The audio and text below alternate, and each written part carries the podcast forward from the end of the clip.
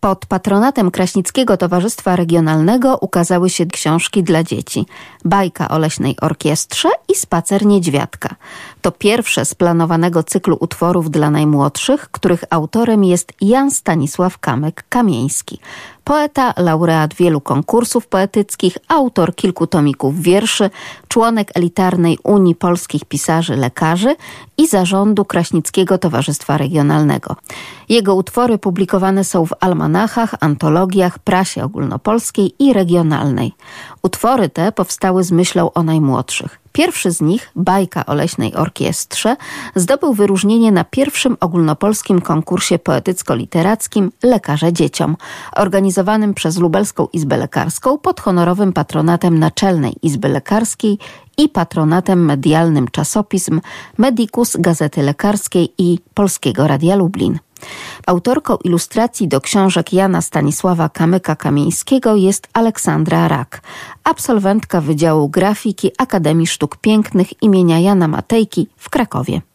Obrazy wykonane w jednej z tradycyjnych technik malarskich, akwareli, utrzymane są w niezwykle żywej palecie barw, znakomicie dostosowującej obraz do wymagającej wyobraźni młodego odbiorcy, niezwykle sugestywnie podkreślając tym samym klimat utworu. To bez wątpienia cenne i potrzebne publikacje promujące młodym czytelnikom stały kontakt z książką, zawierające niezwykle wartościowy podtekst wychowawczo-rozwojowy. Choroba Niedźwiadka to już trzecia książka z cyklu utworów dla dzieci wydana pod patronatem Kraśnickiego Towarzystwa Regionalnego. Autorzy ci sami co poprzednio, czyli tekst napisał lekarz i poeta Jan Stanisław Kamyk-Kamieński, a pięknymi ilustracjami opatrzyła absolwentka Krakowskiej Akademii Sztuk Pięknych Aleksandra Rak. Podkreślić trzeba, że utwór ten zdobył pierwszą nagrodę na trzecim ogólnopolskim konkursie poetycko-literackim Lekarze Dzieciom, organizowanym przez Lubelską Izbę Lekarską pod honorowym patronatem Naczelnej Izby Lekarskiej i patronatem medialnym czasopisma Medicus, jak również Polskiego Radia Lublin i Gazety Lekarskiej. Choroba niedźwiadka to pozycja, która na pewno zainteresuje najmłodszych i nie tylko, i spełni swoją poznawczą i wychowawczą rolę. Dziś wieczorem mamy okazję rozmawiać z autorem chociażby bajki o leśnej orkiestrze, czy też o spacerze niedźwiadka bądź chorobie niedźwiadka. Jan Stanisław Kamyk-Kamieński jest naszym dziś z powodów pandemicznych internetowym gościem na antenie. Sprzed mikrofonu kłania się Magdalena Lipiec-Jaremek. Ja mówię ze studia w Lublinie, a w Kraśniku łączymy się z panem Janem Stanisławem Kamykiem Kamieńskim. Panie Stanisławie czy panie Janie, jak powinnam się e, zwracać? Dobrze, panie Stanisławie, dlatego że Jan jest, a przede wszystkim dobry wieczór, e, pani dobry wieczór państwu. W dokumentach oficjalnych i wszelkich e, tego typu używam Jan Stanisław, ale nikt nie mówił do mnie Jan od dziecka. Zawsze byłem Stanisław i wszelkie odmiany tegoż, tegoż imienia były używane aż do dzisiaj. Także jeśli pani redaktor nie ma nic przeciwko temu, to wolałbym Stanisław. To będzie będzie dla mnie takie naturalne. Panie Stanisławie, to jeśli mogę, to właśnie dopytam, to do kogo pan tak naprawdę adresuje te swoje książki dla dzieci? Do dzieci, czyli do kogo? Do swoich własnych, czy do wnucząt, czy do jakichś zaprzyjaźnionych? Kto jest takim pierwszym wyobrażeniowym dla autora adresatem? E, do wszystkich dzieci w wieku powiedzmy przedszkolnym i wczesnoszkolnym. Ja już y, nie mam takich małych dzieci, bo mój syn jest już bardzo dorosły, także, a małych dzieci także nie ma, więc tutaj adresuję to do, do wszystkich, którzy, do których trafi ta książka. Mam nadzieję, że będzie się podobała, dlatego że um, uważam, że trzeba dać dzieciom troszeczkę przyjemności. I, I, książka w tym y, czasie, no, jest rzadkością wśród młodzieży, wśród dzieci, bo jak, jak pani redaktor wie, jak wszyscy wiemy, są tablety, są jakieś telefony. Dlatego staraliśmy się tę książeczkę i te książeczki raczej opracować tak, żeby przyciągały wzrok tych dzieciaków i treść, treść bardzo taka spokojna, łagodna mi się wydaje, że, że właśnie powinna zainteresować te dzieci. W wieku y, jak Biblioteka Narodowa określiła, to te książeczki są przeznaczone dla dzieci od 0 do 8 lat. Ale przypuszczam, że i starsze też mogą, dlatego że przesłania, które tutaj podaję, są takie bardzo uniwersalne, nie tylko dla dzieci, także i dla dorosłych. A to, jak zacząłem pisać te bajeczki, Pani redaktor pozwoliła sobie przedstawić już moją jakąś tutaj historię pisarską, to cieszę się i dziękuję za to. A bajki to był zupełny przypadek, dlatego że w gazecie lekarskiej znaleźliśmy i w Medicusie takie ogłoszenie, że Lubelska Izba Lekarska organizuje właśnie taki konkurs Lekarze Dzieciom. Ja z zawodu jestem lekarzem, więc mam prawo tego typu konkursie uczestniczyć. No i wysłaliśmy przez przypadek tak pierwszą tą bajeczkę. No, powiedziałem, bo żona mi o tym konkursie powiedziała, ona pierwsza przeczytała, mówi, napisz bajeczkę. Ja mówię, ja nie piszę takich rzeczy, bo mówię, to, to nigdy, nigdy, nie przystępowałem do, do, do tego typu rzeczy, ale po kilku takich namowach, no nocy kiedyś się obudziłem, w nocy i w ciągu, no nie wiem, może pół godziny napisałem tą pierwszą bajkę, bajka o leśnej orkiestrze. To no był szok dla mnie samego, i dla mojej rodziny, i, i dla znajomych. Ale bajeczka poszła na ten konkurs i zdobyliśmy tutaj wyróżnienie. Na pierwszym konkursie wyróżnienie byłem szczęśliwy z tego powodu, bo stwierdziłem, że taką bajkę mogę napisać jednak mimo wszystko. Pani przewodnicząca jury, pani Katarzyna Jóźwia, która jest nauczycielką języka polskiego drugim e, liceum ogólnokształcącym Hetmana Zamojskiego w Lublinie, pozwoliła sobie w recenzji, no może nie w recenzji, tylko po konkursowej takiej mowie powiedzieć w ten sposób, że nie miała pojęcia, że tego typu utwory lekarze potrafią napisać i na tak wysokim poziomie, że są bardzo przemyślane, formalnie mm, świetnie skonstruowane i podporządkowane tematowi i odbiorcy, jakim jest dziecko. I ja jeszcze dodam ze swojej strony, bo już jestem po lekturze, po lekturze owego niedźwiadka, któremu się zachorowało, po lekturze tak. razem z moimi bliźniaczkami sześcioletnimi. Puenta, o. no puenta, to, że rzeczywiście pan zamyka tę myśl, która gdzieś tam przez kolejne wersety, nie spoilerując tutaj oczywiście kolejnym czytelnikom i radiosłuchaczom, ona się pojawia, więc to jest też szalenie ważne, bo często te nowoczesne książki, utwory dla dzieci, no nie mają takiego jasnego jakby zamknięcia. Tak. tak, a okazuje się, że dziecko czegoś takiego potrzebuje, tak jak potrzebuje jasnych, konkretnych wykładni w wielu sprawach, tak również i tutaj. Świetnie, cieszę się, że pani redaktor się podobało i najważniejsze, że córcze, bo to bliźniaczki rozumie, tak? Tak, dwie dziewczynki tak. akurat. Dziewczynki. Świetnie, gratulacje. Także cieszę się, że właśnie dzieciom, bo, bo to jest dla mnie miarą, miarą istoty tego, co robię, dlatego że piszę dla dzieci i jeśli dzieciom się podoba, to satysfakcja dla mnie jest niewyobrażalna, bo po prostu mam tą świadomość, że utrafiłem tutaj akurat jakiś punkt taki czuły i, i to dziecko zainteresowało się tym. No szkoda, że, bo pani redaktor przeczytała tylko tekst, a nie miała pewnie książki w ręku, bo ona I tam były oczywiście pytania. No dobrze, dobrze, znowu nam czytasz z tego laptopa i z tej komórki ten tekst. A jakie są obrazki? Jak ten niedźwiadek jest namalowany? Zwłaszcza, o. że misie, pieski i kotki, o czym pan doskonale z pewnością też wie, jako człowiek wrażliwy na kwestie no, takiego odbioru przez dzieci różnych spraw, no wiadomo, że to jest coś, co dzieci kochają ponad miarę. Tak. No i to, jak wygląda ten bohater, o którym się czyta, to jest ważna kwestia. Pani redaktor, rysunki są wspaniałe. Mam świetną, wspaniałą ilustratorkę, pani Aleksandra Rak, ilustratorka. Kończyła dwie uczelnie, Krakowską Akademię imieniem Frycza Modrzewskiego w Krakowie i potem zaraz Akademię Sztuk Pięknych imienia Jana Matejki, także w Krakowie.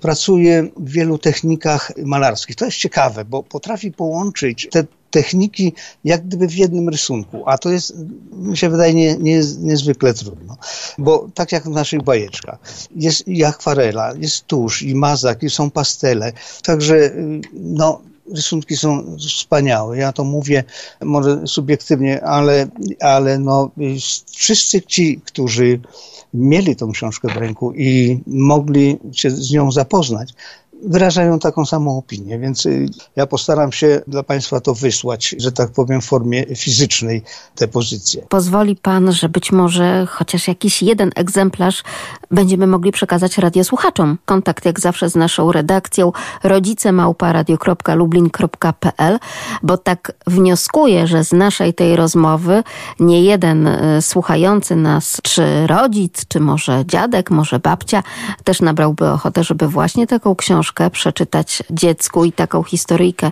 chorującego niedźwiadka przed, no właśnie, tymi wizytami u lekarzy, no bo to bardzo często jest taki problem, który zaprząta głowę opiekuna dziecka. Dobrze, ja nie widzę przeszkód, pani redaktor. Ja wyślę w takim razie ze dwa komplety, tak żeby mogła pani także przekazać y, słuchaczom, tym, którzy będą zainteresowani taką książeczką, a myślę, że, że będą. Jeśli mają dzieci, to na pewno, na pewno tym dzieciakom to przekażą. Także z przyjemnością, z przyjemnością ja podeślę te, te pozycje, a pani redaktor pozwoli, że jak y, otrzyma to proszę do mnie zadzwonić, czy one, chodzi mi o dzieci, pani redaktor, czy, czy dzieciakom się to spodobało. No dla mnie ta opinia Dobrze, będzie, będzie tak. informacja zwrotna. Taki feedback przygotujemy dla pana. Nie, dobrze, dobrze. Teraz o niedźwiadku coś możemy powiedzieć, no to powiemy. Nawet trzeba, nawet, nawet trzeba. trzeba. Choroba e, niedźwiadka. Choroba niedźwiadka, tak, taki jest tytuł, taki jest tytuł książeczki. I na początku mottem jest takie zdanie, łakomczuchom ku przestrodze. To powinno wyjaśnić także całość tej pozycji. Także niedźwiadek, powiem króciutko, żeby nie, nie uprzedzać faktu. Niedźwiadek był łakomczuchem. Od rana lubił dobrze zjeść. Pierwsza zwrotka to jest właśnie, mogę zacytować, dziś niedźwiadek zjadł śniadanie zaraz po pobudce. Jednak czuł się ciągle głodny, więc drugie zjadł wkrótce. I później e, jadł, jadł, później był obiad, później poszedł do lasu, gdzie znalazł, znalazł y, malinki, jagódki i tego typu słodkości i jadł cały czas. Aż nieustannie za przysmakiem tak po lesie gonił, aż zobaczył, że ma brzuszek duży jak balonik. I tutaj już niedźwiadek stwierdził, że więcej rady nie da e, zjeść, a co ciekawe, w tym momencie sobie przypomniał, że także jest już pora na kolację, więc szybciutko do mamy na kolację. Ale wieczorem poczuł się źle, bo przejedzony był i za dużo. Poszedł do doktora, mamusia zaprowadziła niedźwiadka do leśnej poradni i pan doktor oczywiście zbadał misia i zapytał. W gabinecie delikatnie doktor zbadał misia i zapytał. Mój niedźwiadku, co ty jadłeś dzisiaj? Dwa śniadania przed południem, takie całkiem spore. Potem zjadłem dobry obiad, kolację wieczorem. I tu już pan doktor dał diagnozę, dał lekarstwo i kazał mamie zaparzyć mięty w domu i żeby niedźwiadek wszystko wypił. Ale dał mu też radę na koniec. Ale może nie będę tej rady na koniec, bo pozostawimy to dla czytelników, e, jak, jak, to, e, jak to e, się sprawa zakończyła z tym wszystkim.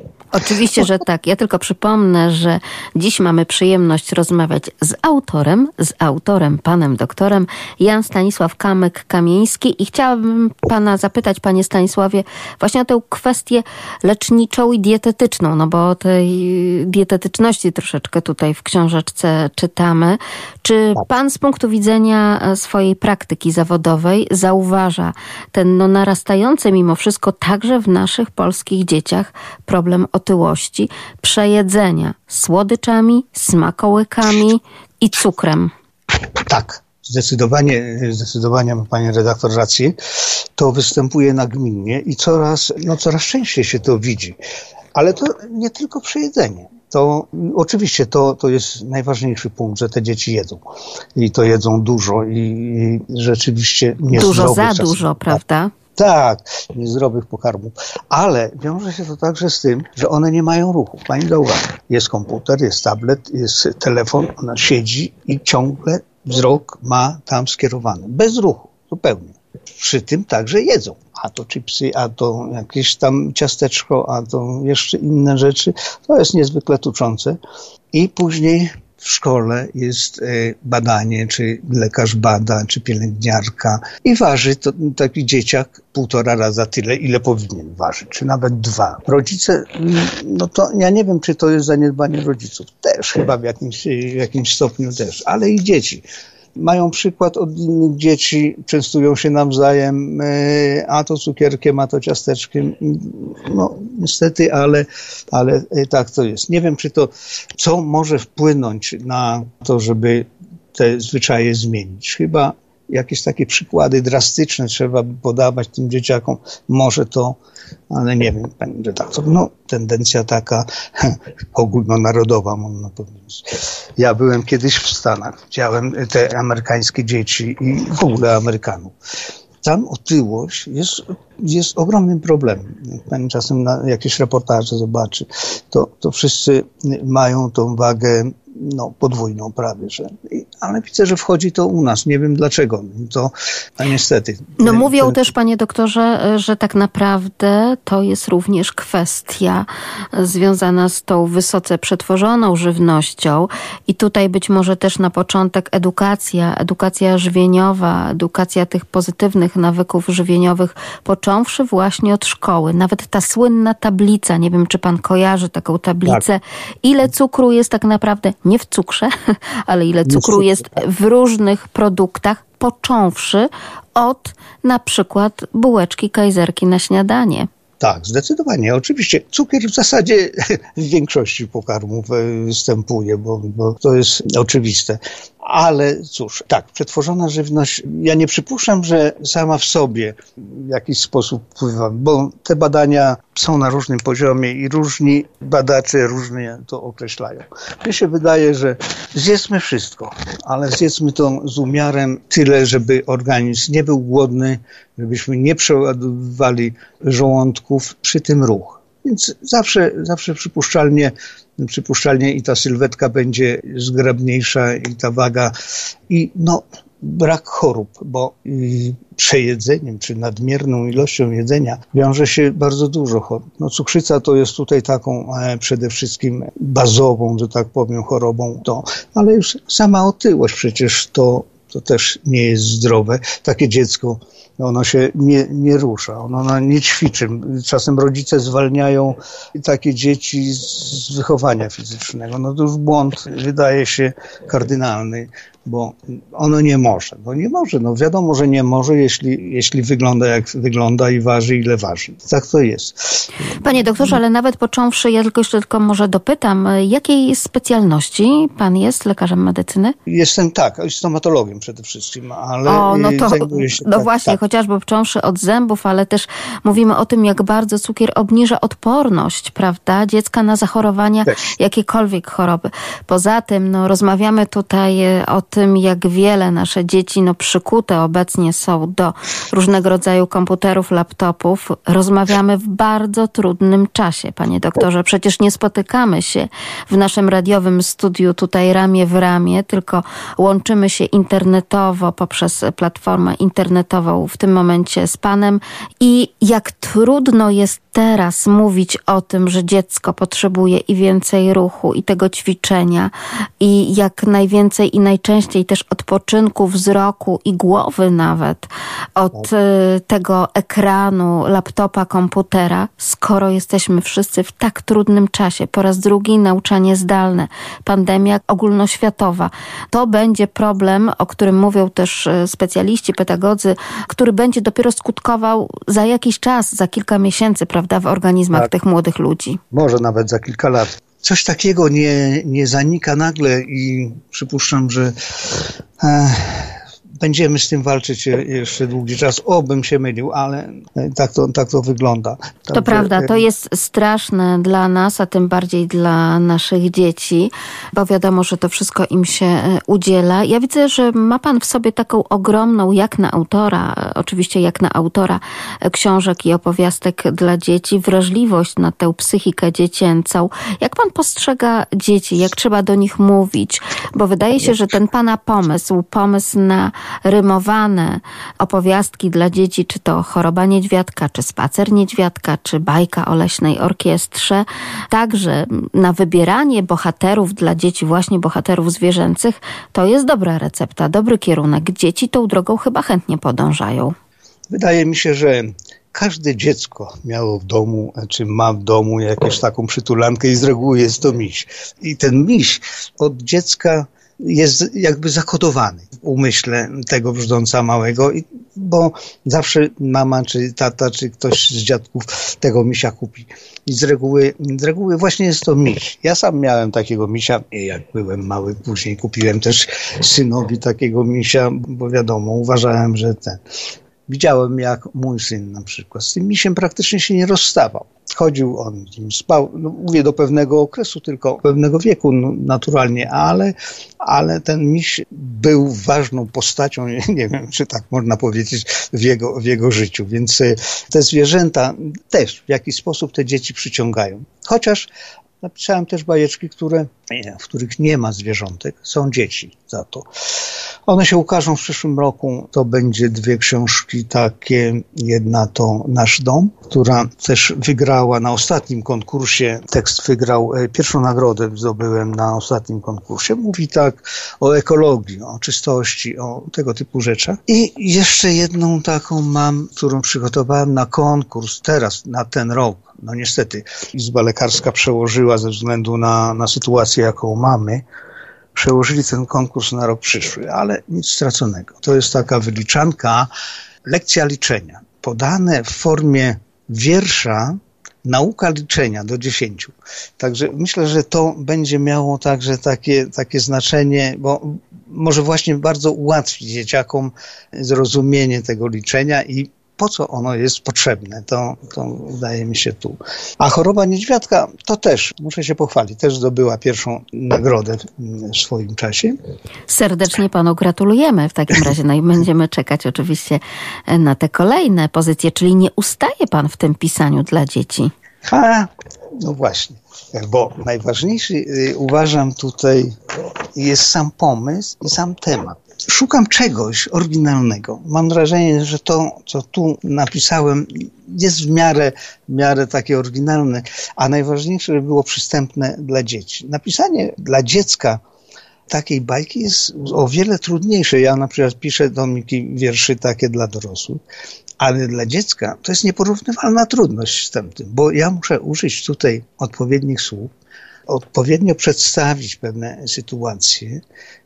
U dorosłych mogę się tym nie przejmować, bo dorosły zrozumie, dorosły kojarzy to inaczej. Do dziecka trzeba czasami dotrzeć wprost, powiedzieć mu to i to. Jeśli tam się coś domyśli, a widzi także jakieś inne rzeczy w tym tekście, to też bardzo dobrze.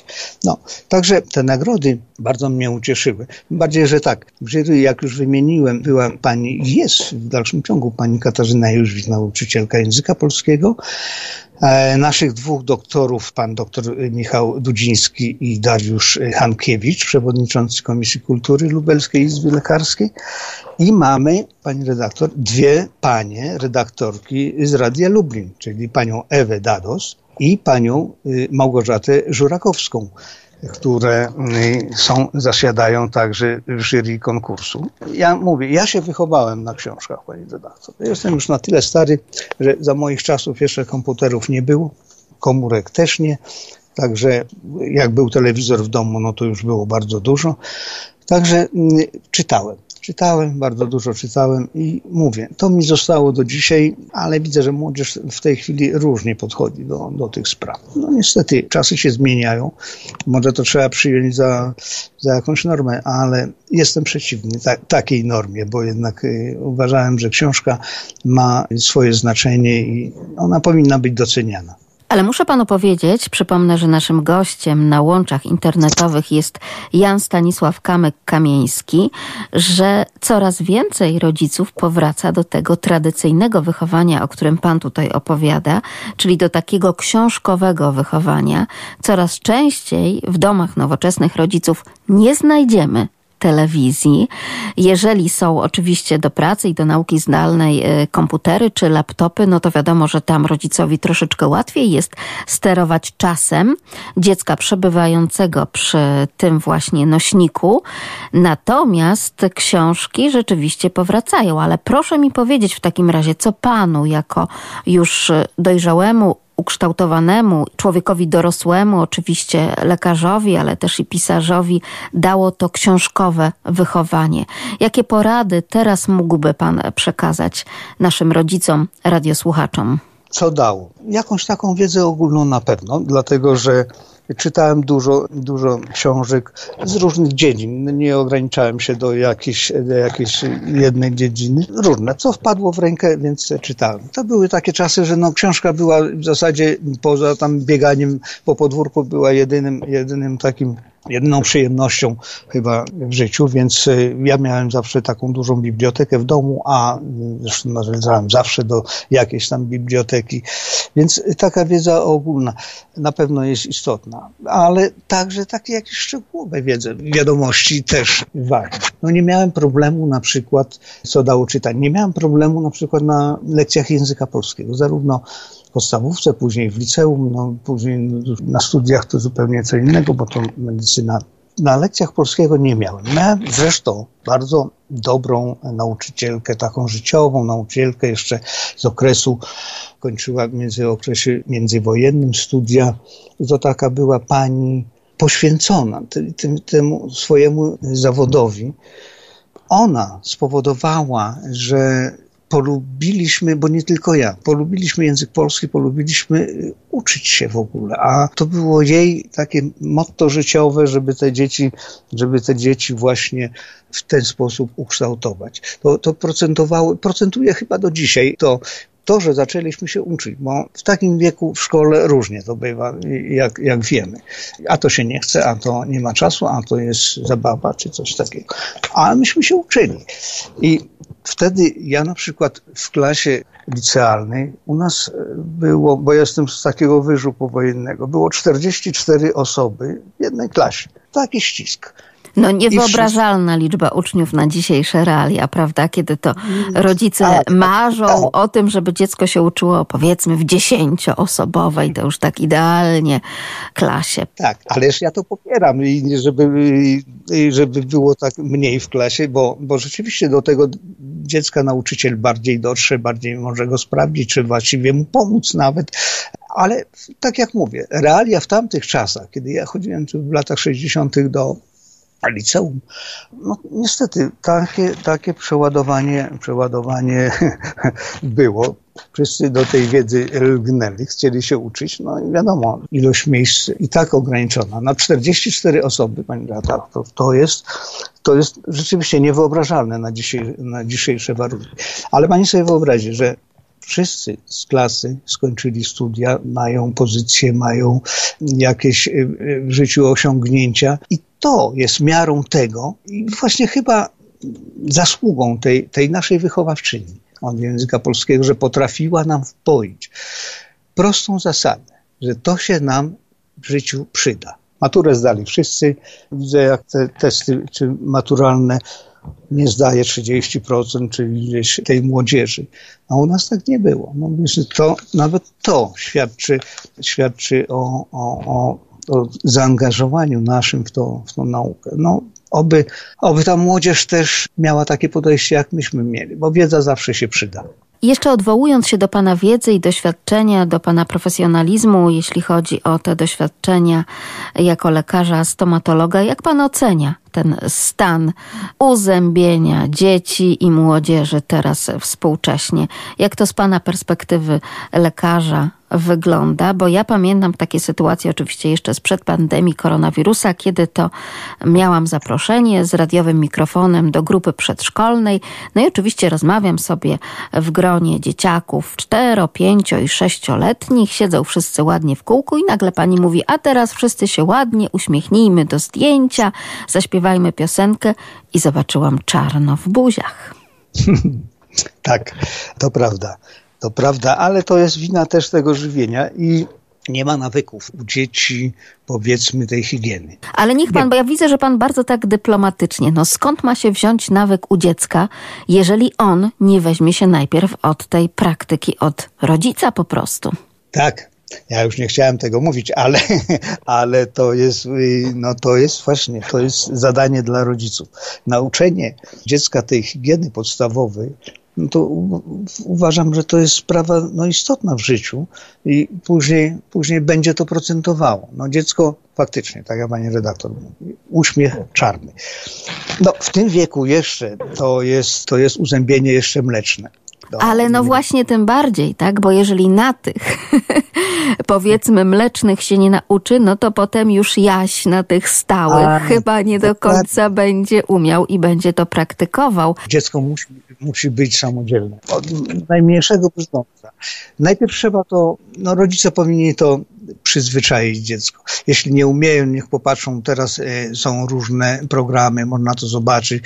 E, robić to najpierw w formie zabawy chyba będzie z uśmiechem, z radością, no, jak coś nie wyjdzie, no to żeby nie strofować tego dzieciaka, tylko nawet pokazać na sobie, czy wtedy dziecko widzi, że rodzic robi i jemu się nic nie dzieje, bo czasem on nie chce, bo się boi.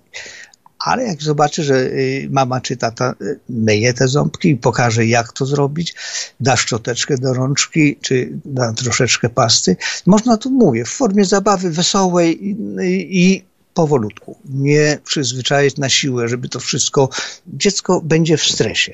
Biorąc później szczoteczkę do ręki, ono będzie w stresie, będzie się bało, że zrobi coś nie tak, czy co. To nie, nie wolno stresować. Ono zrobi może tam na początku źle, na pewno zrobi źle, ale trzeba zdecydowanie i powolutku wpajać w to, wpajać w to tego malucha. Później wejdzie to w taki nawyk, że dziecko samo będzie wołać szczoteczkę przed snem, bo nie pójdzie spać, bo nie umyło ząbku. Ja oczywiście wiem, bo takie przykłady miałem w swojej praktyce. Uczyliśmy i dzieci, zalecaliśmy rodzicom, pokazywaliśmy, jak to wygląda. Były w swoim czasie też robione takie te fluoryzacje czy pokazy w szkołach. Też pracowałem troszeczkę i w szkole. To był bardzo przyjemny okres w szkole pracy, chociaż praca z dziećmi jest, jest, trudna, naprawdę niezwykle trudna. To trzeba mieć odpowiednie podejście i lubić, być te dzieci, bo inaczej on, nie wiem, dziecko wyczuwa jakiś no, stosunek tego lekarza do, do siebie. To jest w ułamku sekundy. On potrafi zdiagnozować, że tak powiem, tego lekarza, czy on jest dobry, czy on jest łagodny, czy nie. Nie wiem, nie od razu. Jeśli coś mu się nie podoba, będzie krzyczał, będzie zamknie buzię, można na siłę y, stara się coś zrobić, ale to nigdy nie wyjdzie. Ja, Słyszałam y, też o takich przypadkach, kiedy to dziecko nawet ugryzło w palec lekarza o, stomatologa. To normalne, to normalne. To ja nie. Czasem dzieciak przychodzi pierwszy raz do gabinetu jest problem, bo on się boi już wchodząc w drzwi, czy nawet na poczekalni, on już się boi usadzony na fotelu, jest już blady, trzęsie się i zaczyna płakać. To nie wolno. Trzeba porozmawiać. Myśmy czasem robili, czy ja robiłem czasem tak, że nie brałem tego dziecka na pierwszej wizycie do jakiegokolwiek leczenia. Rozmawiałem, pokazywałem narzędzia, pokazywałem jak maszyny działają. O tak, dziecko szło do domu z powrotem. Nie miało nic zrobione, ale mama czy tata widzieli, że on inaczej już reaguje na ten fotel i, i na tego pana, który tam stoi obok tego fotela. Na drugiej wizycie można było już troszeczkę tam coś pogładzić tego ząbka, czy jeszcze nie wchodzić z maszynami jako takie na siłę, czy, że tak powiem, tylko delikatnie, bardzo delikatnie. Czasem było takich dwie, trzy wizyty nieefektywne, jeśli chodzi o leczenie, ale bardzo efektywne, jeśli chodzi o, o psychikę tego dziecka. I ono już przychodziło na kolejną wizytę i samo siadało na ten fotel. Samo siadało na ten fotel, bo wiedziało, że ja mu już krzywdy nie zrobię.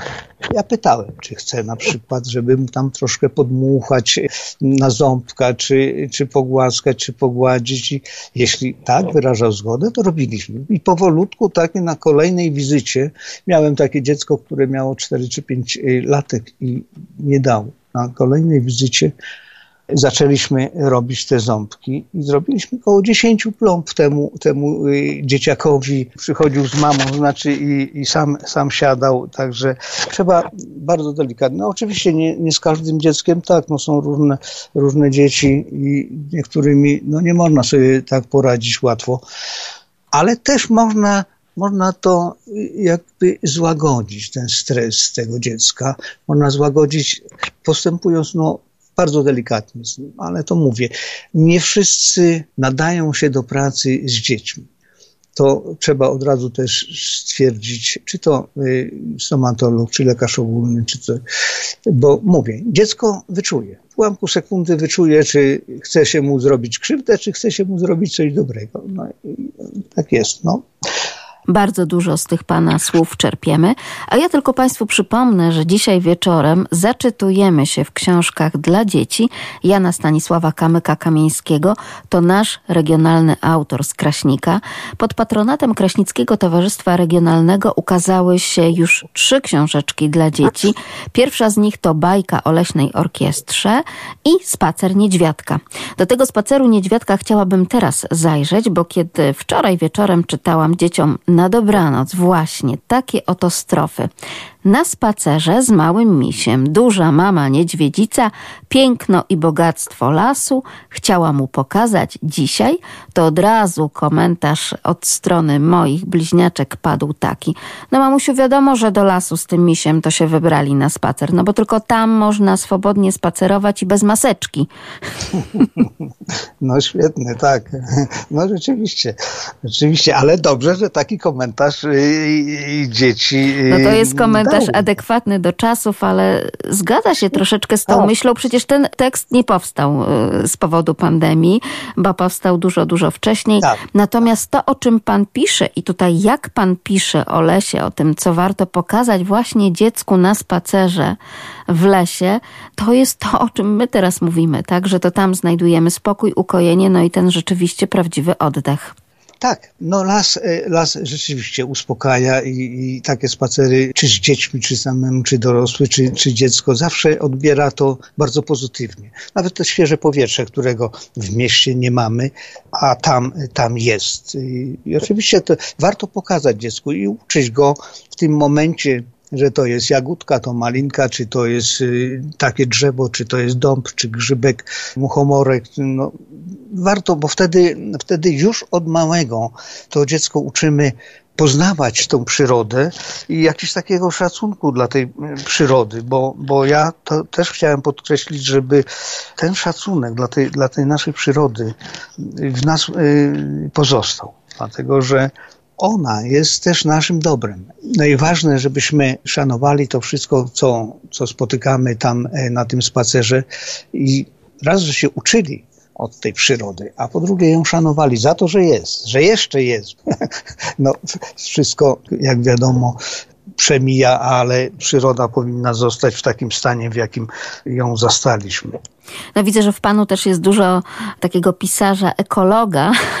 To już nawiązuje pan chociażby do tego tekstu, który jeszcze nie jest wydany. Nasz dom. Jak rozumiem, tak. nasz dom to metafora tak naprawdę ziemi, na której żyjemy. Dokładnie tak, dokładnie tak, dokładnie pani to zrozumiała. To jest właśnie w ten sposób zrobione. Cała nasza ziemia to jest nasz dom. I tam napisałem, żeby właśnie o tej ekologii troszeczkę, jak wygląda, jak wygląda sprawa zadymienia, brudu, tego smogu, że warto posprzątać to. Nie warto śmiecić i zaśmiecać naszej tej przyrody, tylko warto posprzątać. Może, może to dotrze, chociaż yy, no, zobaczymy.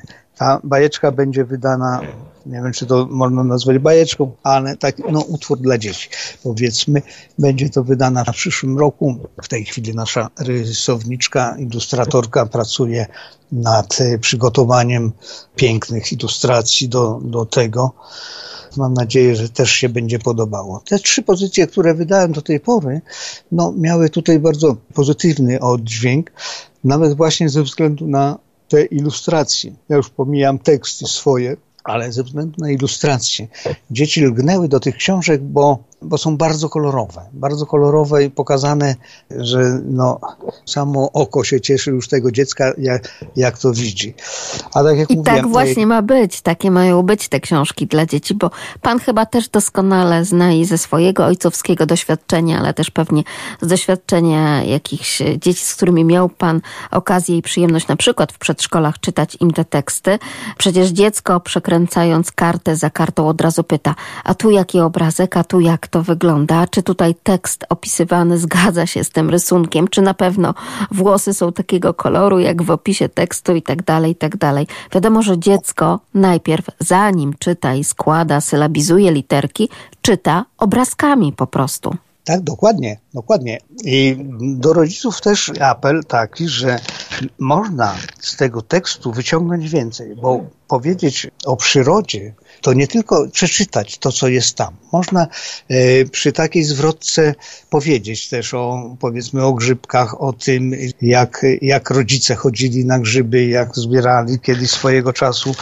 W ten sposób coś roz, rozszerzyć e, tę wiedzę, która jest tu zawarta, bo książeczka ma jakiś tam ograniczony tylko no zasięg, że tak powiem, ale do rodzica należy, y, czy należałoby, bo miałem taki właśnie przykład. Pani doktor tutaj nasza regionalna ma te książeczki i czytała dzieciom i właśnie ona z nimi omawiała te książki. To nie tylko przeczytała, pokazała im rysunki, ale i omawiała i wyjaśniała szerzej, jak gdyby te niektóre pojęcia, czy mówiła o tych roślinach, które tu pokazane są. Także może i tak warto. Zajmie to troszkę rodzicom kilka minut więcej niż tylko przeczytanie temu dziecku, ale to dziecko będzie szczęśliwe wtedy, że raz, że ten rodzic, ten kontakt z tym dzieckiem będzie miał taki szeroki, a po drugie dla tego dziecka przypuszczalnie ta wiedza zostanie na długo. Dziecko zapamiętuje, bardzo, bardzo taki bierze poważnie to swoje życie do główki, także może właśnie warto i w ten sposób nad tym się pochylić. Pozwolą Państwo, że zacytuję jeszcze jeden fragment, tym razem z bajki o leśnej orkiestrze. Niedaleko polany, na wysokim dębie, wiadomość wygruchały dwa siwe gołębie.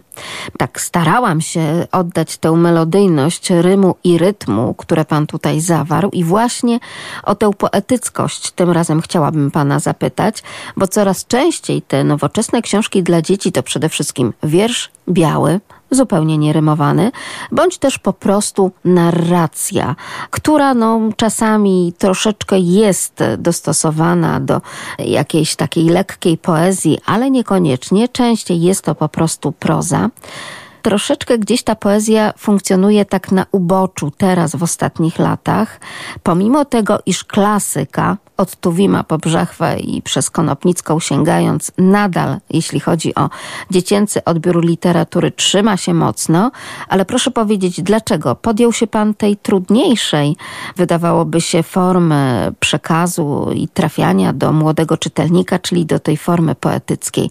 Pan tutaj się jednak skłania jest trudniejsza. Rzeczywiście tu, tu zgadzam się z panią, bo napisanie wiersza, który jest e, rytmiczny, melodyjny i łatwy do zapamiętania dla dziecka, łatwy do przyswojenia, to jest nieporównywalnie trudniejsze niż napisanie biały wierszy, tekst po prostu taki opisujący obrazek. Tekst, bez, bez rymu. Ale ja tak jak e, pani zauważyła, ja też się wychowałem na, i na Konopnickiej, i na, na Brzechwie, i przecież to, to były książki też mojego dzieciństwa. E, może to też jakoś wpłynęło na to, nie wiem, może gdzieś tam podświadomości mam, mam mm, jeszcze to zakodowane, że, że właśnie tego typu treść wchodzi łatwiej do głowy i łatwiej ją zapamiętać. Ja do, do tej pory niektóre te wiersze pamiętam z tego dzieciństwa, to znaczy, że one, one docierały docierały. One docierały. I tutaj jest dziecku też łatwiej zrozumieć i łatwiej e, powiedzmy e, słuchać e, nawet, jeśli ktoś czyta, takiego rytmicznego, melodyjnego mm, głosu, bo łatwo zapamiętać, a ono wtedy to dziecko kojarzy dużo, dużo łatwiej, dużo łatwiej. Tu w tej książeczce Bajka o Leśnej Orkiestrze starałem się dobrać, bo tu są same zwierzątka, starałem się dobrać głosy tej orkiestry do poszczególnych, czyli głosy poszczególnych zwierzątek, do poszczególnych instrumentów. No, mam nadzieję, że mi się to udało, bo kilka osób już mówiło, nawet muzycy, że dobrze to, że dobrze to zrobiłem. Więc tutaj taka duża satysfakcja dla mnie, że, że udało mi się. Napisałem, sowa mieszkająca w ciemnej stronie lasu, pochukując, przyjęła funkcję kontrabasu. Albo piękna ruda wiewiórka nie śpiewa niestety, ale chrupiąc orzechy, brzmi jak kastaniety. To trzeba by dziecku wyjaśnić, e, co to są kastaniety. Albo e, zagrać nawet na nich, jeżeli gdzieś mamy a, pod ręką. A, no tak, albo zagrać. I to wtedy, no rzeczywiście, wiewiórka nie śpiewa, jak wiemy, ale chrupiąc to, te kastaniety słyszymy, bo to ten dźwięk. No to jest bardzo radiowy wiersz. Już sobie wyobrażam, jak mógłby zostać udźwiękowiony przez naszych mistrzów realizacji dźwięku na przykład o, e, bardzo, w słuchowisku. Tak. Można. Ja też myślałem, że takie coś zrobić, bo dźwięki zwierząt możemy, możemy e, przecież e, pozyskać, że tak powiem. A na pewno przy czytaniu, gdyby gdzieś w tle jeszcze ten dźwięk, dźwięk powiedzmy tego zwierzątka się pojawiał, no to naprawdę by byłoby słuchowisko rzeczywiście radiowe bardzo piękne. Bo na przykład tutaj też miałem takie. Dzięcioł czarny zjawił się razem z kuzynami. Z niebywałą ochotą zajął się bębnami. Bo wiadomo, dzięcioły kują. Bębnią. Bębnią, tak. I, I tutaj dlatego mówię, że starałem się dobrać te zwierzątka do odpowiednich instrumentów. Tutaj akurat do, do tych bębnów.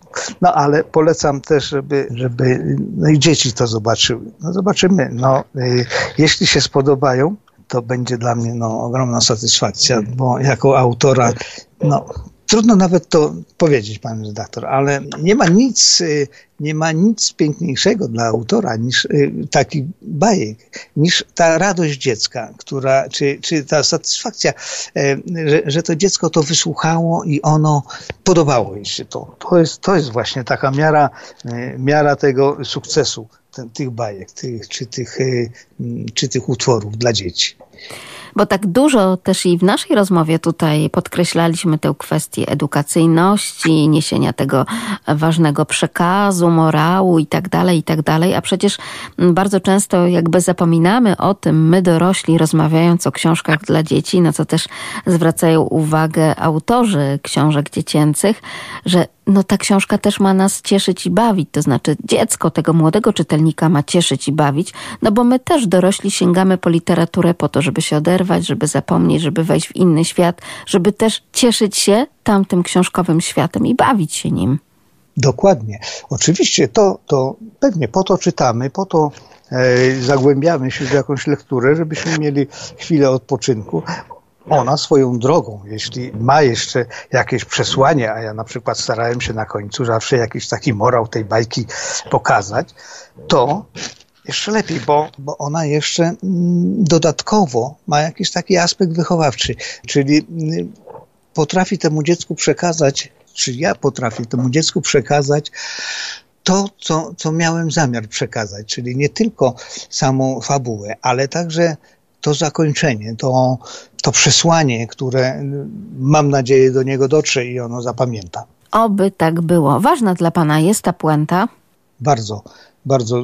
Czasami jest tak, że zanim napisałem, tu chyba dwóch miałem takich przypadków, zanim napisałem całą tą treść, to miałem już zakończenie, czyli jak gdyby treść dostosowywałem do, do tej puenty, do, do tego murału, ale to już było łatwiejsze, bo najbardziej istotne właśnie było to dla mnie to przesłanie, żeby nie zostawiać tej bajki kończącej się niczym tylko żeby ono miało to puentę, miało ten finał, yy, miało ten finał yy, i, i dotarło ewentualnie do tego dziecka. To dla mnie były cele a naszym rozmówcą był Jan Stanisław Kamek-Kamieński, poeta, laureat wielu konkursów poetyckich, autor kilku tomików wierszy, członek elitarnej Unii Polskich Pisarzy Lekarzy i zarządu Kraśnickiego Towarzystwa Regionalnego, także członek Rady Programowej Instytutu Genealogii. Jego utwory publikowane są w almanachach, antologiach, prasie ogólnopolskiej i regionalnej, a dziś rozmawiamy o utworach, które powstawały z myślą o najmłodszych. Pierwszy z nich to bajka o leśnej orkiestrze, który zdobył wyróżnienie na pierwszym ogólnopolskim konkursie poetycko-literackim Lekarze Dzieciom, organizowanym przez Lubelską Izbę Lekarską pod honorowym patronatem Naczelnej Izby Lekarskiej i patronatem medialnym czasopism Medicus, Gazety Lekarskiej i Polskiego Radia Lublin. Autorką ilustracji do książek Jana Stanisława Kamyka-Kamieńskiego, do tych książek dla dzieci jest Aleksandra Rak, absolwentka Wydziału Grafiki, specjalizacja grafika warsztatowa Akademii Sztuk Pięknych imienia Jana Matejki w Krakowie. Obrazy, które możemy podziwiać na ilustracjach, wykonane są w jednej z tradycyjnych technik malarskich, akwareli, utrzymane są w niezwykle żywej palecie barw, znakomicie dostosowującej obraz do wymagającej wyobraźni młodego odbiorcy, niezwykle sugestywnie podkreślając tym samym klimat utworów autora Jana Stanisława Kamyka-Kamieńskiego. Bardzo pięknie dziękuję za tę rozmowę dla rodziców o książkach dla dzieci. Panie Stanisławie, wszystkiego dobrego, dużo zdrowia życzę i oczywiście czekamy na te kolejne utwory, które będzie Pan kierował do najmłodszych czytelników. No ja dziękuję pani redaktor za tak y, miłą rozmowę i cieszę się, że mogliśmy się y, przynajmniej spotkać w tej formie. Mam nadzieję, że, mm, że jak ukażą się pozostałe może książki, a wirus gdzieś odpłynie, to spotkamy się na wizji. Taką nadzieję mam, pani redaktor. A teraz też wszystkiego dobrego życzę mm, dla pani redaktor i mam nadzieję do usłyszenia wszystko. Bardzo pięknie dziękuję. Ja tylko Państwu jeszcze podkreślę na zakończenie, że te książeczki, te opowiastki, rymowane opowiastki, które prezentował dzisiaj Państwu Jan Stanisław Kamyk-Kamieński, to bez wątpienia cenne i potrzebne publikacje, które promują młodym czytelnikom stały kontakt z książką, to przede wszystkim, ale też zawierają niezwykle wartościowy podtekst wychowawczo-rozwojowy, na czym nam, rodzicom, po prostu zależy. Zapraszam Państwa na drugą godzinę naszego programu. Usłyszymy się ponownie tuż po serwisie informacyjnym po godzinie 23. A w tej godzinie audycji ponawiamy zaproszenie na forum Tatonet. Zaangażowany i solidarny. Jak wyznaczać ojcowskie priorytety? Dzieci potrzebują ojców zaangażowanych, którzy potrafią mądrze poświęcić im czas.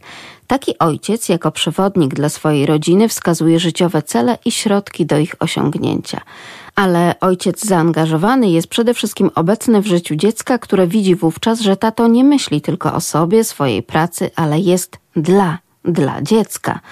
Dla żony zauważa potrzeby drugiego człowieka i wychodzi im naprzeciw. Jest po prostu solidarny.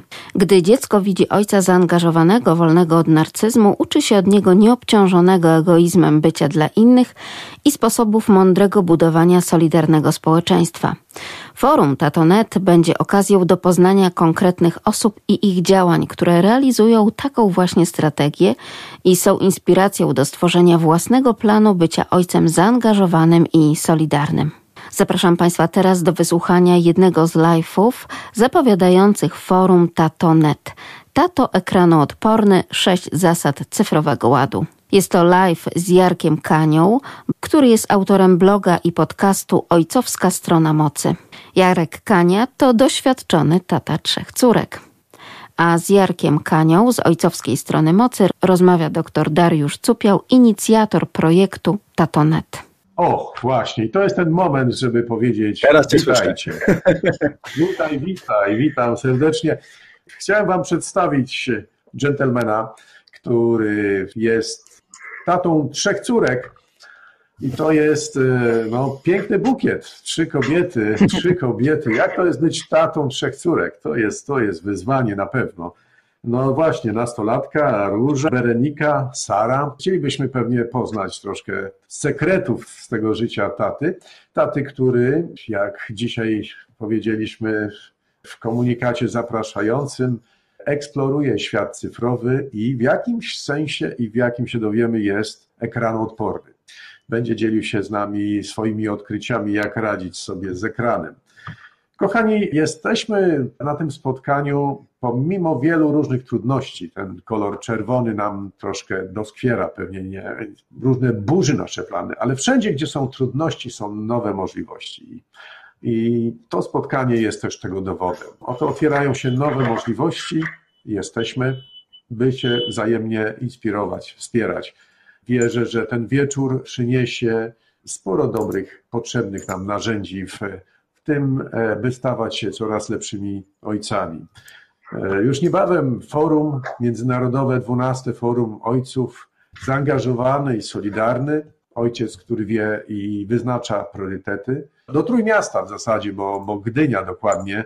Jarek pracuje w stoczni i to jest jego zasadnicze zajęcie, ale także prowadzi ojcowską stronę mocy, dobrze powiedziałem, i to jest e, ta moc ojcostwa, której potrzebujemy. Wszyscy odkrywa ojcostwo. Statonet już ponad 12 e, lat. Pierwsze warsztaty, które organizował w Gdyni, właśnie to były już ponad 12, dokładnie 12 lat temu. Spotykaliśmy się na forum Tatonet. Życie się toczy dosyć głośno, będziemy pewnie słyszeć odgłosy ulicy e, gdyńskiej. E, usłyszymy, usłyszymy za chwilę Jarka. Jarku, daję mikrofon i witam Cię serdecznie. Dziękuję, dziękuję Ci Darku za przedstawienie. E, rzeczywiście jestem teraz w Gdyni, chociaż pochodzę bardziej z południa, bo pochodzę z Częstochowy.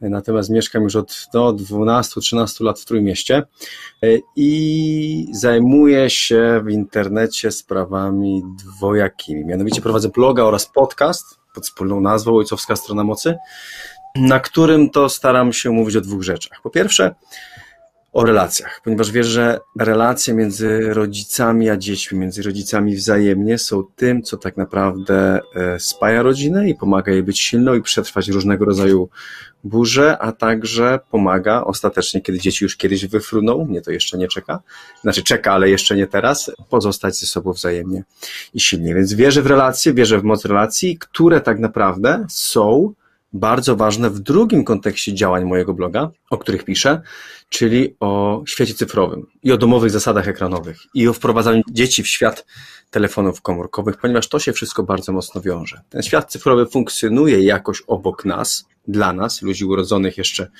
no, w poprzednim tysiącleciu, nazwijmy to tak ogólnie, natomiast dla tych naszych dzieci on już funkcjonuje równolegle, jest tak naprawdę częścią życia. Ich świat wirtualny i cyfrowy się przenikają. Ten cyfrowy coraz mniejszy, pomimo tego, że obejmuje cały świat tak naprawdę. Dowiedzieć się nieco o tym, w jaki sposób być świadomym rodzicem w erze cyfrowej, w świecie cyfrowym, ponieważ wierzę, że jest to bardzo ważne dla, dla dobra naszych dzieci i dobra naszych rodzin. Bo tytuł tego live'a e, mówi o tym, że mamy sześć zasad cyfrowego ładu. Jaka jest pierwsza? Bardzo często jest tak, że kiedy myślimy o daniu dziecku telefonu komórkowego, ponieważ przeważnie od tego się jakoś tam zaczyna, to chcemy wtedy nagle powiedzieć, OK, jak to zrobić, w jaki sposób zrobić to fajnie, w jaki sposób zrobić to dobrze. U nas tak to wyglądało między innymi. Nasza córka, kiedy miała 9 lat, najstarsza, szła do trzeciej klasy i zaczęła sama chodzić ze szkoły i sama chodzić do szkoły. Stwierdziliśmy, że to jest dobry moment, żeby dać jej telefon, bo będzie się uczyć w ten sposób odpowiedzialności, będzie się uczyć samodzielności, no i też spowoduje to to, że my będziemy wiedzieć, że dotarła do szkoły, będzie mogła nam wysłać wiadomość, jestem, wychodzę. I to do, do obu szkół, do szkoły podstawowej oraz muzycznej. W tej chwili wychodzi już też czasami z koleżankami, również piszę, mamy taką wspólną grupę na WhatsAppie rodzinną, w której to piszemy. I to był taki pierwszy moment, w którym stwierdziliśmy, o, telefon e, może spełnić funkcję praktyczną, natomiast to, z czego sobie nie daliśmy sprawy, to jakbyśmy zobaczyli taką górę lodową, że wiecie, tutaj jest ta część praktyczna, to pod spodem jest cała reszta rzeczy, które telefon ze sobą przynosi do rodziny i przynosi bardzo dużo. E, u nas to było bardzo szybko kłótnie, ponieważ się okazało, że e, no, róża szybko się Zaczęła patrzeć cały czas ten telefon. No, chcę tu zobaczyć, nie ma jeszcze tam koleżanek, nie ma kto jej wysyłać czatów, nie ma żadnych mediów społecznościowych, ale co chwila przychodzi, patrzy, chodzi z tym telefonem po domu. I wiecie, mm, to spowodowało we mnie jakąś taką z kolei frustrację. Kurczę, no moje dziecko ma ten telefon tydzień, zaraz się od niego uzależni. Wiecie, był końcówka sierpnia, nie ma jeszcze roku szkolnego, to już się dzieje, więc ja zacząłem się wkurzać, że ona korzysta, ona się zaczęła denerwować, że jej zabraniam, niby ma ten telefon, a nie może korzystać. Ja mówię, masz, ale nie możesz. I taka sytuacja trochę patowa. I wtedy zdaliśmy sobie z żoną wspólnie rzecz z jednej bardzo ważnej sprawy, że ona w dużej mierze nas kopiuje. I wtedy zaczęła narodzić się w nas świadomość. Świadomość, którą traktuję tak naprawdę jako pierwszą składową tych sześciu zasad cyfrowego ładu, o których będziemy dzisiaj mówić. Że my jako rodzice musimy mieć świadomość tego, że nasze dzieci nas kopiują, że nasze dzieci biorą z nas przykład, że nasze dzieci robią w dużej mierze to, co my. I bardzo ważne jest zdać sobie sprawę z tego, że dzieci nie uczą się korzystać z telefonów wtedy, kiedy my im dajemy pierwszy telefon do ręki. Na przykład, kiedy mają 9 lub 10 lat. W tej chwili inicjacja e, cyfrowa w Polsce odbywa się w wieku 8-9 lat. Ale to jest tylko inicjacja taka pozorna, ponieważ to jest moment, kiedy dziecko dostaje telefon na stałe użytkowanie, czyli wychodzi z nim do domu i wraca. Natomiast inicjacja cyfrowa tak naprawdę odbywa się dużo wcześniej. Nie wtedy także, kiedy my z dzieckiem rozmawiamy o tym, że damy mu pierwszy telefon, czyli na przykład pół roku szybciej lub rok szybciej. Nie. Inicjacja cyfrowa odbywa się wtedy, kiedy nasze dziecko jest malutkie, jeszcze w wózeczku, jeszcze w łóżeczku, a to, co widzi, to na przykład tylko w kółko obiektyw telefonu, którym my robimy mu zdjęcia, którym my robimy mu filmy, co chwilę wysyłamy, albo kiedy przychodzi do kuchni, my robimy obiad, a przy okazji, o, stoimy sobie, uh scrollujemy sobie wiadomości, odpisujemy i tak nas dziecko widzi. I to jest ten moment, kiedy my tworzymy w dziecku kulturę cyfrową pewną, tworzymy pewne zasady, o których za chwilę też będę mówił, uczymy je korzystania z mediów cyfrowych. Porównałbym to tak naprawdę do nauki miłości. My możemy mówić na przykład w domu, że słuchajcie, mąż i żona, czy też mama i tata powinni się wzajemnie kochać. Na przykład będziemy mówić to dziecku, że powinni otaczać się szacunkiem, być dla siebie mili. Nie? I spoko. Ale jeżeli my nie będziemy na przykład przytulać się z żoną, nie będziemy dawać sobie y, całusów, nie będziemy się miło do siebie odnosić, no to dziecko zauważy szybko ten dysonans i wiecie, to po prostu będzie widziało, że to jest fake.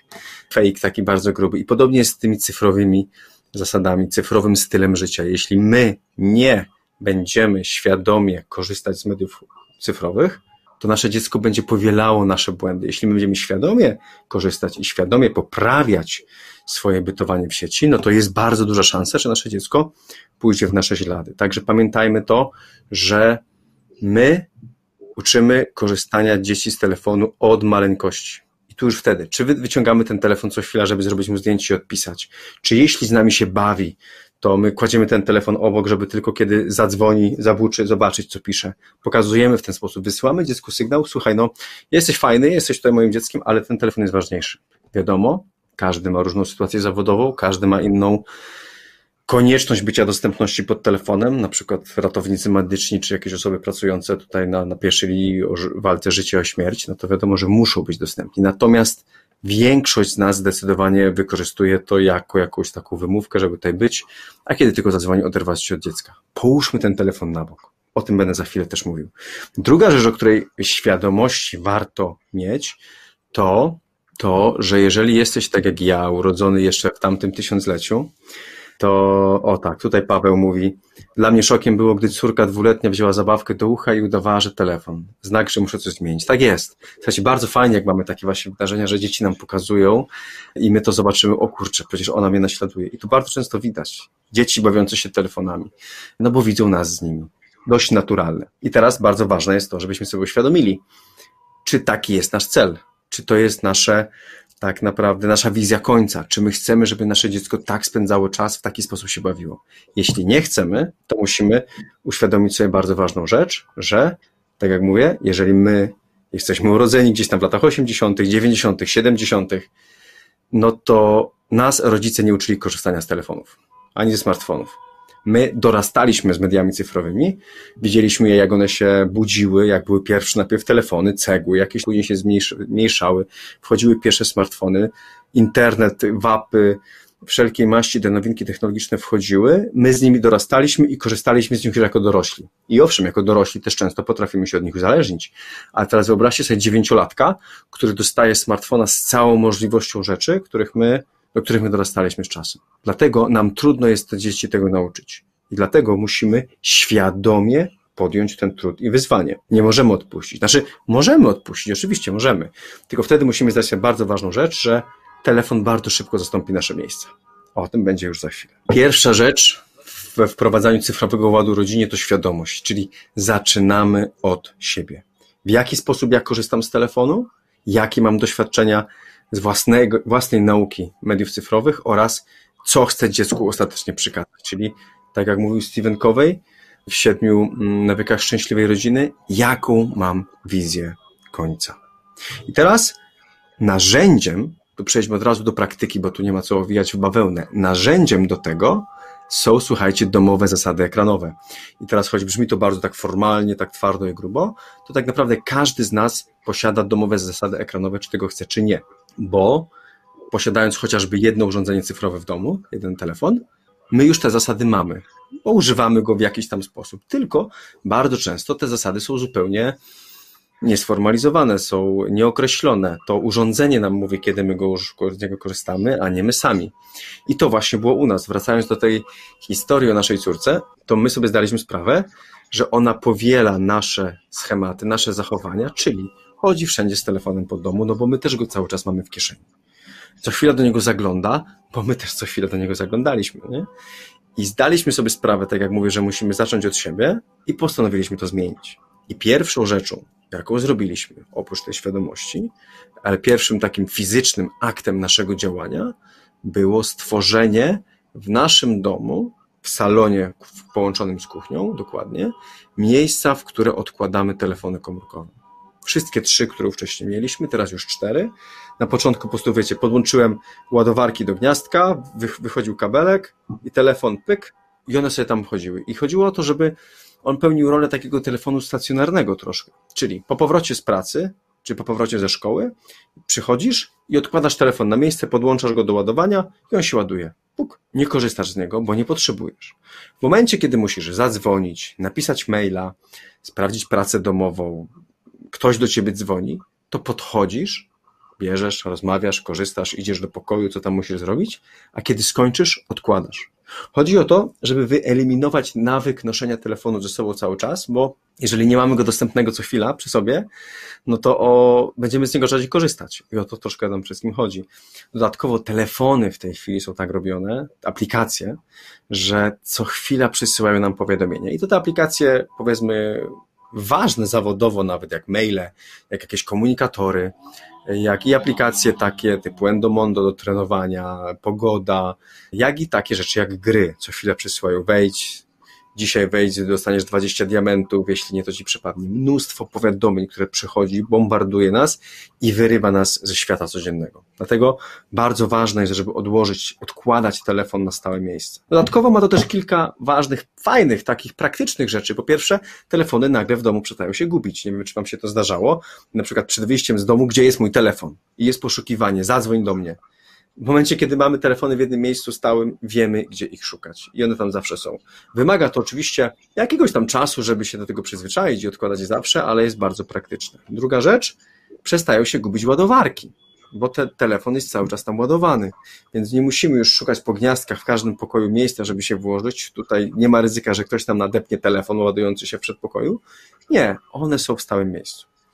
I jeszcze jedna bardzo ważna rzecz. Telefony, i to odkryliśmy z czasem dopiero, nasze są tam również na noc. Nie bierzemy telefonów do sypialni. To jest druga zasada ekranowa, która jest bardzo ważna i to z własnego doświadczenia mogę powiedzieć, która naprawdę bardzo pomaga w takim świadomym przeżywaniu dnia, bo Fundacja Dbam o Mój Zasięg, która prowadziła badania wśród y, młodzieży szkolnej, y, młodszej i starszej, zszokowały mnie jeden z ich wyników, że prawie, już teraz pamiętam, 70-80% nastolatków w nocy budzi się, żeby wyciągnąć rękę po telefon, który ma pod poduszką bądź gdzieś tam obok, sprawdza, co jest na mediach społecznościowych, odpisuje, idzie spać dalej.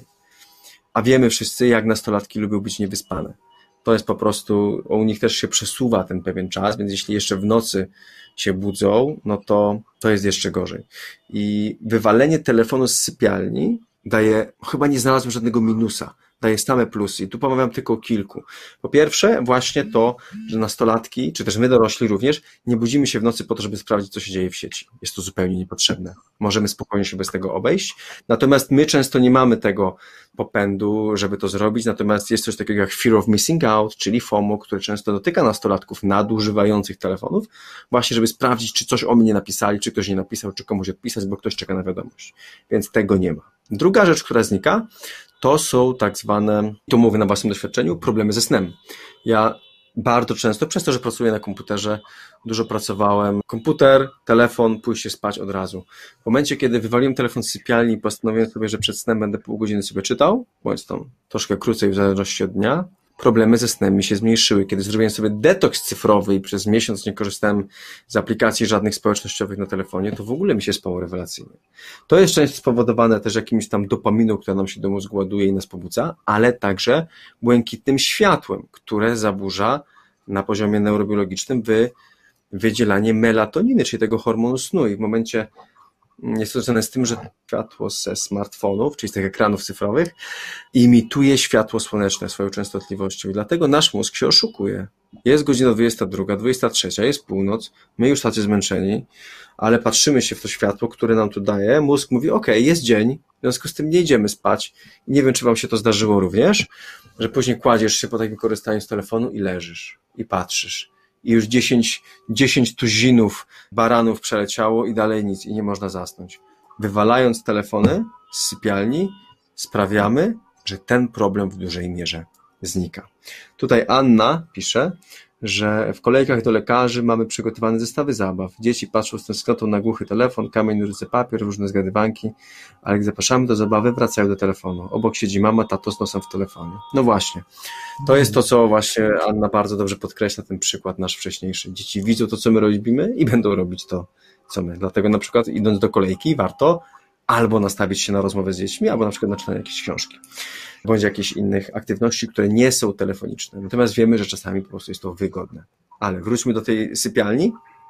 Druga rzecz, którą daje nam sypialnia, kolejna, bo byliśmy, mówiliśmy już o budzeniu się w nocy, mówiliśmy o lepszym śnie. Trzecia to jest sexting. Słuchajcie, bardzo ważny problem wśród nastolatków. My dorośli nazywamy go sextingiem, to brzmi tak bardzo, wiecie, twardo, ostro, ale wśród nastolatków to ma o wiele ładniejsze słowa, które nie są wcale takie straszne. To są softy, czyli wysyłanie sobie zdjęć w bieliźnie. To są nudesy, czyli wysyłanie sobie zdjęć nago. Nie brzmi to tak strasznie jak sexting, nie? Sexting brzmi groźnie, a nudeska, no to zawsze można sobie wysłać. Więc bardzo łatwo wysyłać je w dwóch miejscach, te nudesy. Po pierwsze, to jest łóżko, pokazuję tu, bo jestem w pokoju dzieci, więc akurat tak łatwiej. E, więc wysy w łóżku, kiedy jest i fundacja z kolei daje dzieciom siłę. Miała kiedyś taką fajną kampanię Uważni Rodzice, w której o tym mówił.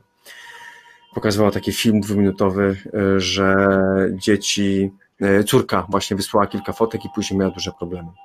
Domowe zasady cyfrowe. To jest e, bardzo to, ten ład off i online, więc jak, jakbyś mógł rozwinąć, jak ty do tego dochodzisz razem z córkami, z żoną, ta przestrzeń sypialni, ale też stół chyba jest też takim miejscem, gdzie jednocześnie nie rozmawiacie. Ja niedawno widziałem idąc ulicą, akurat nie tatę, to była mama, która trzymała za jedną rękę swoje dziecko, a w drugiej ręce cała jej koncentracja i uwaga była w, w smartfonie. E, więc, więc to jest chyba też jakiś święty moment, kiedy, kiedy dziecko czuje ciepło dłoni swojego rodzica, ale z drugiej strony czuje chłód, który idzie z tego, z tego ekranu, bo, bo nie ma łączności. Jak, jak ty formułujesz, czy to, jest, to są zasady, które ty sformułowałeś sam jako absolwent różnych warsztatów i bloger, czy też z żoną, czy córki się też w to włączają? Jak to u was wygląda?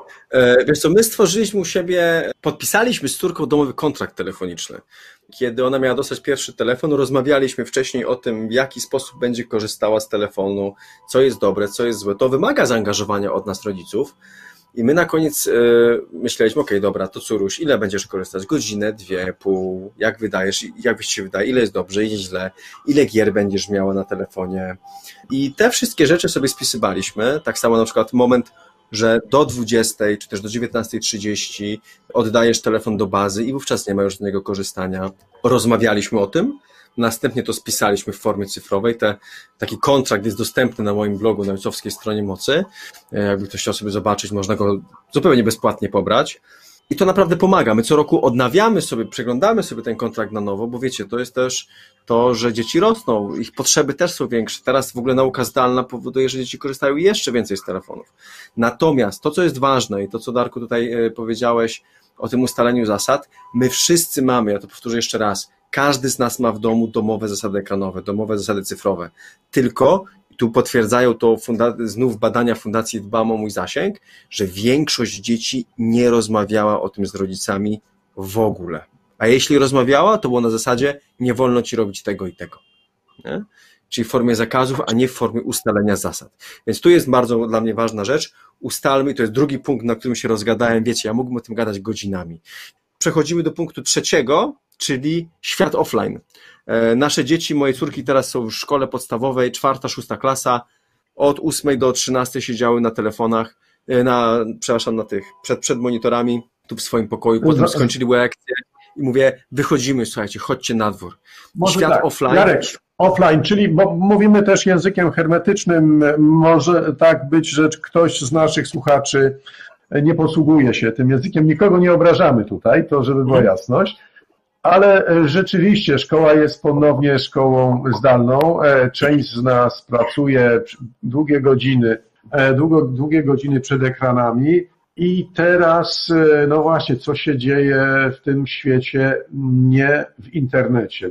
Internet, internet coraz pełniej jest obecny w naszym każdym dniu, ale na Boga, no nie wszystko, co żywe tam się e, porusza, więc, więc ten świat, świat off, e, czyli poza internetem. No i właśnie, czy, i, czy, czy, czy chcesz powiedzieć, że ty masz pewien e, tutaj rytm aktywności, które wiążą się z nieposługiwaniem się smartfonem, tak? Tak, w tym czasie tak naprawdę nauczania zdalnego, w tym okresie nauczania zdalnego warto zrobić sobie, ustalić sobie dopasowany do rytmu nauki dzieci, a także do rytmu naszego pracy, bo też niektórzy z nas pracują w domu. Ja tworząc bloga pracuję tak naprawdę też w domu. Zrobić sobie na przykład godzinę offline, wspólną godzinę offline, kiedy nie ma telefonu, nie ma tabletu, nie ma telewizora, nie ma e, komputera i wtedy możemy robić różne rzeczy, możemy się wspólnie bawić, możemy pójść na spacer, możemy zagrać planszówkę, a może każdy sobie po prostu odpocząć, można iść spać, można, nie wiem, gotować, jak ktoś lubi piec, moja córka bardzo lubi piec, więc wtedy też ma okazję się tak wyluzować, można y, sobie poczytać, dowolność. Chodzi o to, żeby wyrobić sobie w nawyk odpoczynku od od ekranów. Ja tak naprawdę Darkowi przed tym, zanim się spotkaliśmy, mówiłem, słuchaj Darek, ja będę chciał bardzo krótko mówić, bo wszyscy jesteśmy przeładowani ekranami i nie chcę ludzi trzymać przed ekranem, natomiast już widzę, że, że się rozgadałem. Także słuchajcie, warto tworzyć sobie rytuały offline na wspólne spędzanie czasu. Prostą rzeczą, bardzo prostą rzeczą, słuchajcie, jest, a czasami trudną, jeśli spróbujecie, wyjdźcie sobie z domu wspólnie na spacer i zostawcie telefony w domu. Wszystkie, jakie macie. Nie? Czy jeśli sami dorośli, bądź sami dzieci. I wyjdźcie na godzinny, dwugodzinny spacer. Zobaczycie, że będzie to naprawdę zupełnie inne doświadczenie. Polecam spróbować. Kolejnym etapem na przykład jest robienie takich dziennych, dziennych detoksów cyfrowych albo na przykład weekendowych detoksów cyfrowych. To oczywiście wymaga więcej przygotowania, więcej zaangażowania, bądź tak jak ja kiedyś, wiecie, mając bloga, mając społeczność kilkudziesięciu tysięcy osób, na miesiąc zniknąłem z sieci. Przeżyłem. Da się. Nie? Tutaj pisze Karolina, co do mam na spacerach, niekoniecznie jak się prowadzi dziecko ulicą, mówię o sytuacji dziecko w wózku, odpuściłabym srogie ocenianie. Tak, zgadzam się.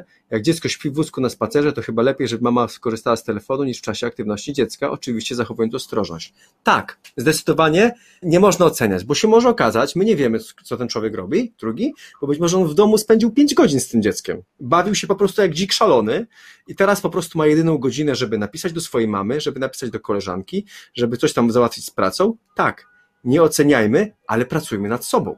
Skupmy się na tym, żeby to nasze postępowanie było dobre. Nie? O, tu ciekawe, Mariusz pisze, widziałem lepszy obraz, szła rodzina, mama, tata, trójka dzieci, wszyscy podłączeni do akumulatora w plecaku ojca. Wygląda to strasznie, ale słuchajcie, może oni grają wspólnie w grę.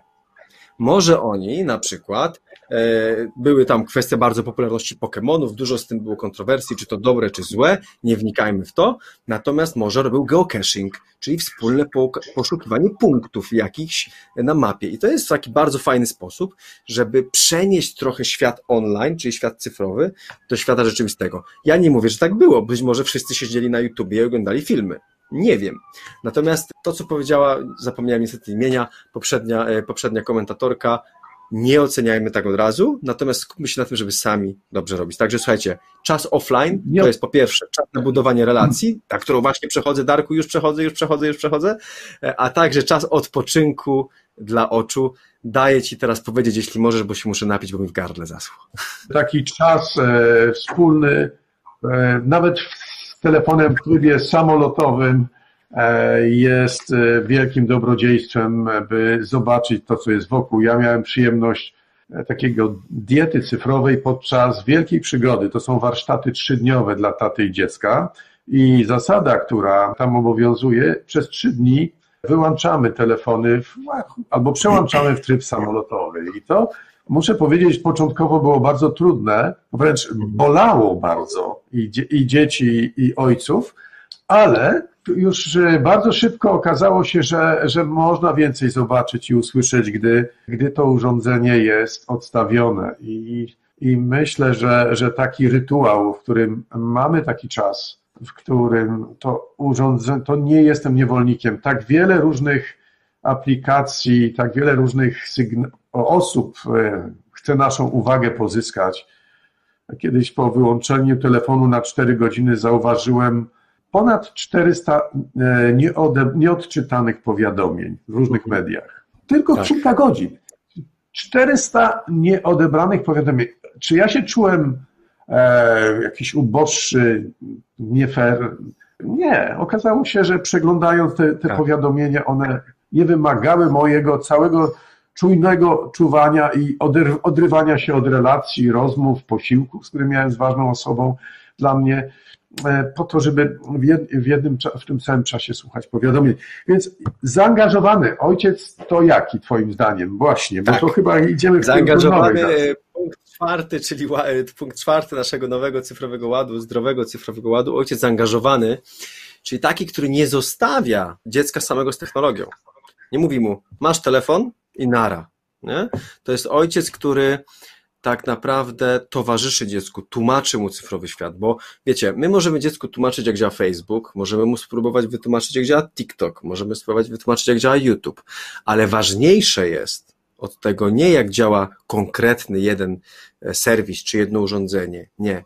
My musimy dziecko nauczyć poruszania się w cyfrowym świecie jako takim, bo za pięć lat będą zupełnie inne apki i ono wtedy będzie musiało się nauczyć wszystkiego na nowo. A jeśli my przekażemy mu wartości, jakimi trzeba się kierować, czyli nie wyzywamy innych w internecie, nie obrażamy, nie szerujemy rzeczy, nie udostępniamy rzeczy, których nie jesteśmy pewni, jakichś plotek, jakichś fejków, nie, mm, nie wrzucamy czyichś gołych zdjęć do internetu, komu zrobimy, bo wiecie, to się może przypadkiem zdarzyć dla żartów w szatni szkolnej, puk, puk, puk, telefony i nagle jest, nie? Nie wysyłamy, nie robimy czegoś, czego sami byśmy nie chcieli doświadczyć. To są wszystkie te rzeczy, które my z naszą córką rozmawialiśmy przed podpisaniem kontraktu i to jest właśnie ojciec zaangażowany. Zaangażowany w kontekście cyfrowym to jest taki, który wspiera rozwój, nie zabrania, nie mówi nie wolno ci, nie wolno, nie wolno, tylko mówi chodź, spróbujemy razem, zobaczymy co to jest. I także w kontekście rzeczy, które niekoniecznie są przyjemne.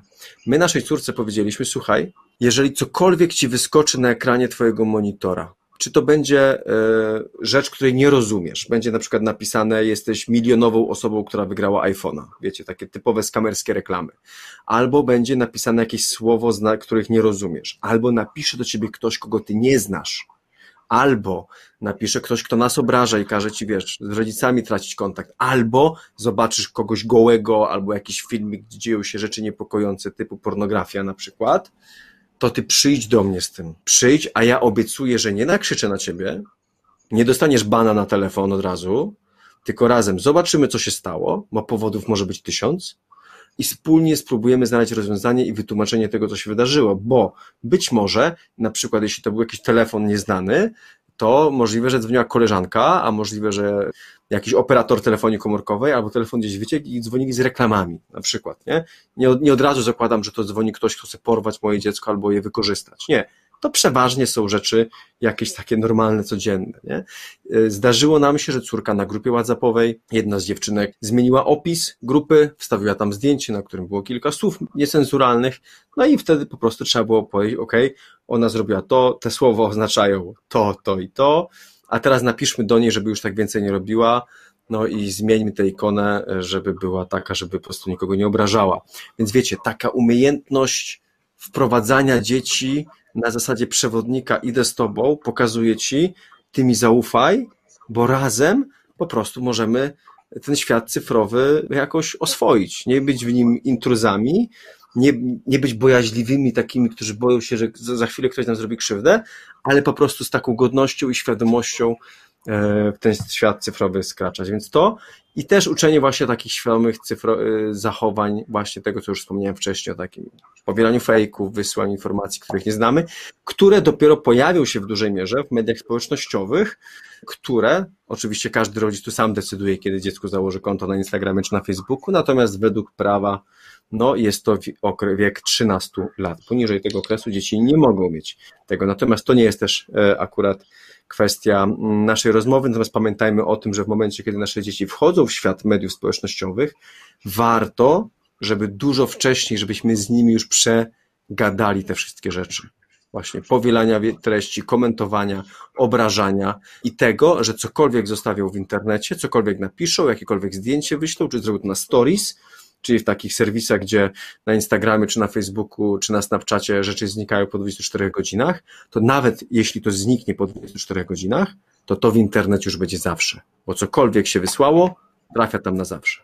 I tyle o, o zaangażowaniu. Internet, internet pamięta, tak. Więcej, ja myślę, że tak. tyle teraz. Natomiast, natomiast już 14 w sobotę, 14 listopada będziemy kontynuować podczas e, specjalnego panelu ten temat. I myślę, że tu więcej pytań się pojawi. Tutaj się też pojawiła bardzo ciekawa, e, nawiązująca Jarku do Twojej wypowiedzi propozycja kuponów. Zobacz, e, w rodzinie wprowadziłem kupony dla dziecka, na, żeby wybierało, jakie bajki i kiedy chce oglądać, ale też to są pewne limity. I myślę, że to mhm. jest mądrość, która, która zaangażowanego tatę może wyróżniać. Świat nie kończy się w przestrzeni mhm. cyfrowej. I też dziękuję za ten głos. Przejdźmy tak. do tego, co jest piątym, przedostatnim od, mm, zaleceniem, zasadą, którą która ci przyświeca. Bardzo proszę, Jarku. Relacja, słowo klucz tak naprawdę, z którego wywodzi się cała ta reszta, o której mówiliśmy, bo relacja jest podstawą, czyli to budowanie, a najlepszym metodą budowania relacji z dzieckiem jest po prostu wspólne spędzanie czasu. Od małego, kiedy to są jakieś drobne zabawy, potem przez czytanie książek, budowanie relacji po to, żeby dziecko wiedziało, że my jesteśmy przy nim, my jesteśmy tym towarzyszem i na przykład to, że potem będzie wiedziało, że może do nas przyjść, bo tak jak to, co powiedziałem wcześniej, nie nakrzyczymy na nie od razu, tylko po prostu będziemy mogli mu w stanie wytłumaczyć pewne rzeczy, bo nie będzie się nas bało.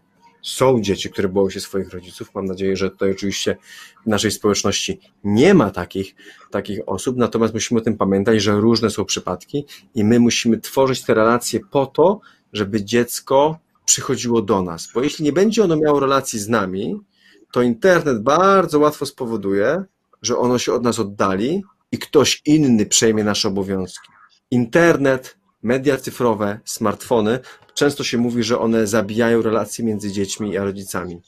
Mi się wydaje, że prawda jest troszkę bardziej skomplikowana i troszkę inaczej wygląda, że to te cyfrowe urządzenia osłabiają relacje, które już są nadwątlone, albo te, których nie ma. I wtedy dziecko szukając więzi, szukając jakiejś bliskości, no wchodzi w świat cyfrowy, bo tam dostaje jej namiastkę. Dużym, czasami się mówi, że dużym sukcesem Facebooka jest to, i dlatego on jest taki popularny, bo on nie działa. Nie działa w tym sensie, że obiecuje nam bliskość, obiecuje nam relację, obiecuje nam kciuk w górę, że się poczujemy fajnie i będą nas lubić, ale potrzebujemy tego ciągle więcej i więcej i więcej.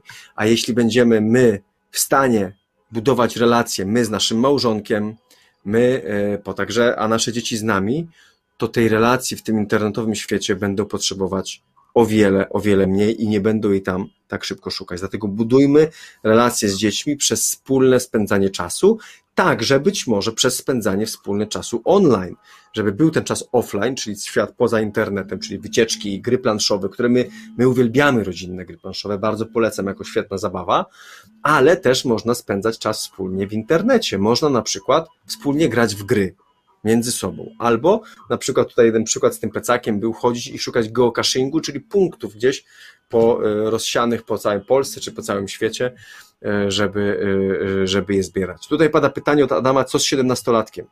No, pytanie jest tak ogólne, że ciężko mi na nie odpowiedzieć, natomiast siedemnastolatek, który jest niemal dorosła osoba, na którą my jako rodzice, ja oczywiście nie mam takiego dziecka, więc mówię to na podstawie tylko jakiejś literatury i doświadczeń ludzi, których znam e, i swoich wcześniejszych, na które już nie mamy tak mocno wpływu, więc możemy ewentualnie mu jakoś proponować, podsyłać, dawać przykład, rozmawiać, no ale nie zmienimy go na siłę. Natomiast tu pytanie jest tak ogólne, że, że ciężko mi, no. ciężko mi coś powiedzieć. Przejdźmy zatem do ja punktu myślę, szóstego. Wiesz co, wiesz co, ja no. bym jeszcze tutaj z tym nawiązał do tego pytania Adama o 17-latków. Te pytania często pojawiają się na ojcowskich klubach, które są taką przestrzenią budowania kultury rodzinnej, kultury, w której panuje pewien, no właśnie, pewna przestrzeń. Jest, mamy wysokie kompetencje cyfrowe, ale ale dla siebie jesteśmy ważni. Zresztą sama inicjatywa TatoNet, no to nie, nie mówimy ojciec net, tylko TatoNet, co oznacza relacje. To jest to, to pięknie ująłeś w tej, tej zasadzie. Chcemy budować relacje i,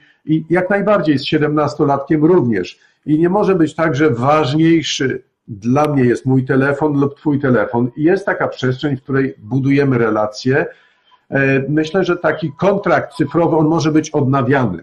O ile, o ile mhm. stawiamy pewne limity, granice, to nie chyba w tym sensie, że, e, że posiłek rodzinny ma być miejscem, w którym wszyscy e, komunikujemy się ze sobą za pomocą urządzeń cyfrowych, e, czy, czy miejsce odpoczynku ma być, przestać być tym miejscem odpoczynku.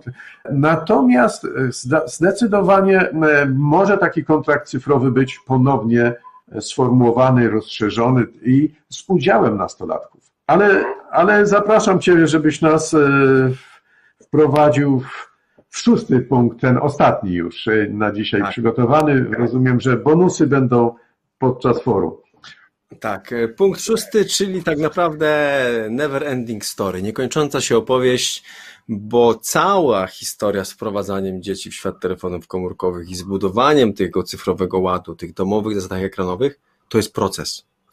Bo my możemy naszemu ośmiolatkowi, dziewięciolatkowi powiedzieć, co ma robić, czego nie może robić, ale za pięć lat on już będzie miał 14 lat, będzie miał inne potrzeby cyfrowe, będzie więcej czasu spędzał, bo szkoła, bo znajomi, bo jakieś sporty, bo jakieś zainteresowania.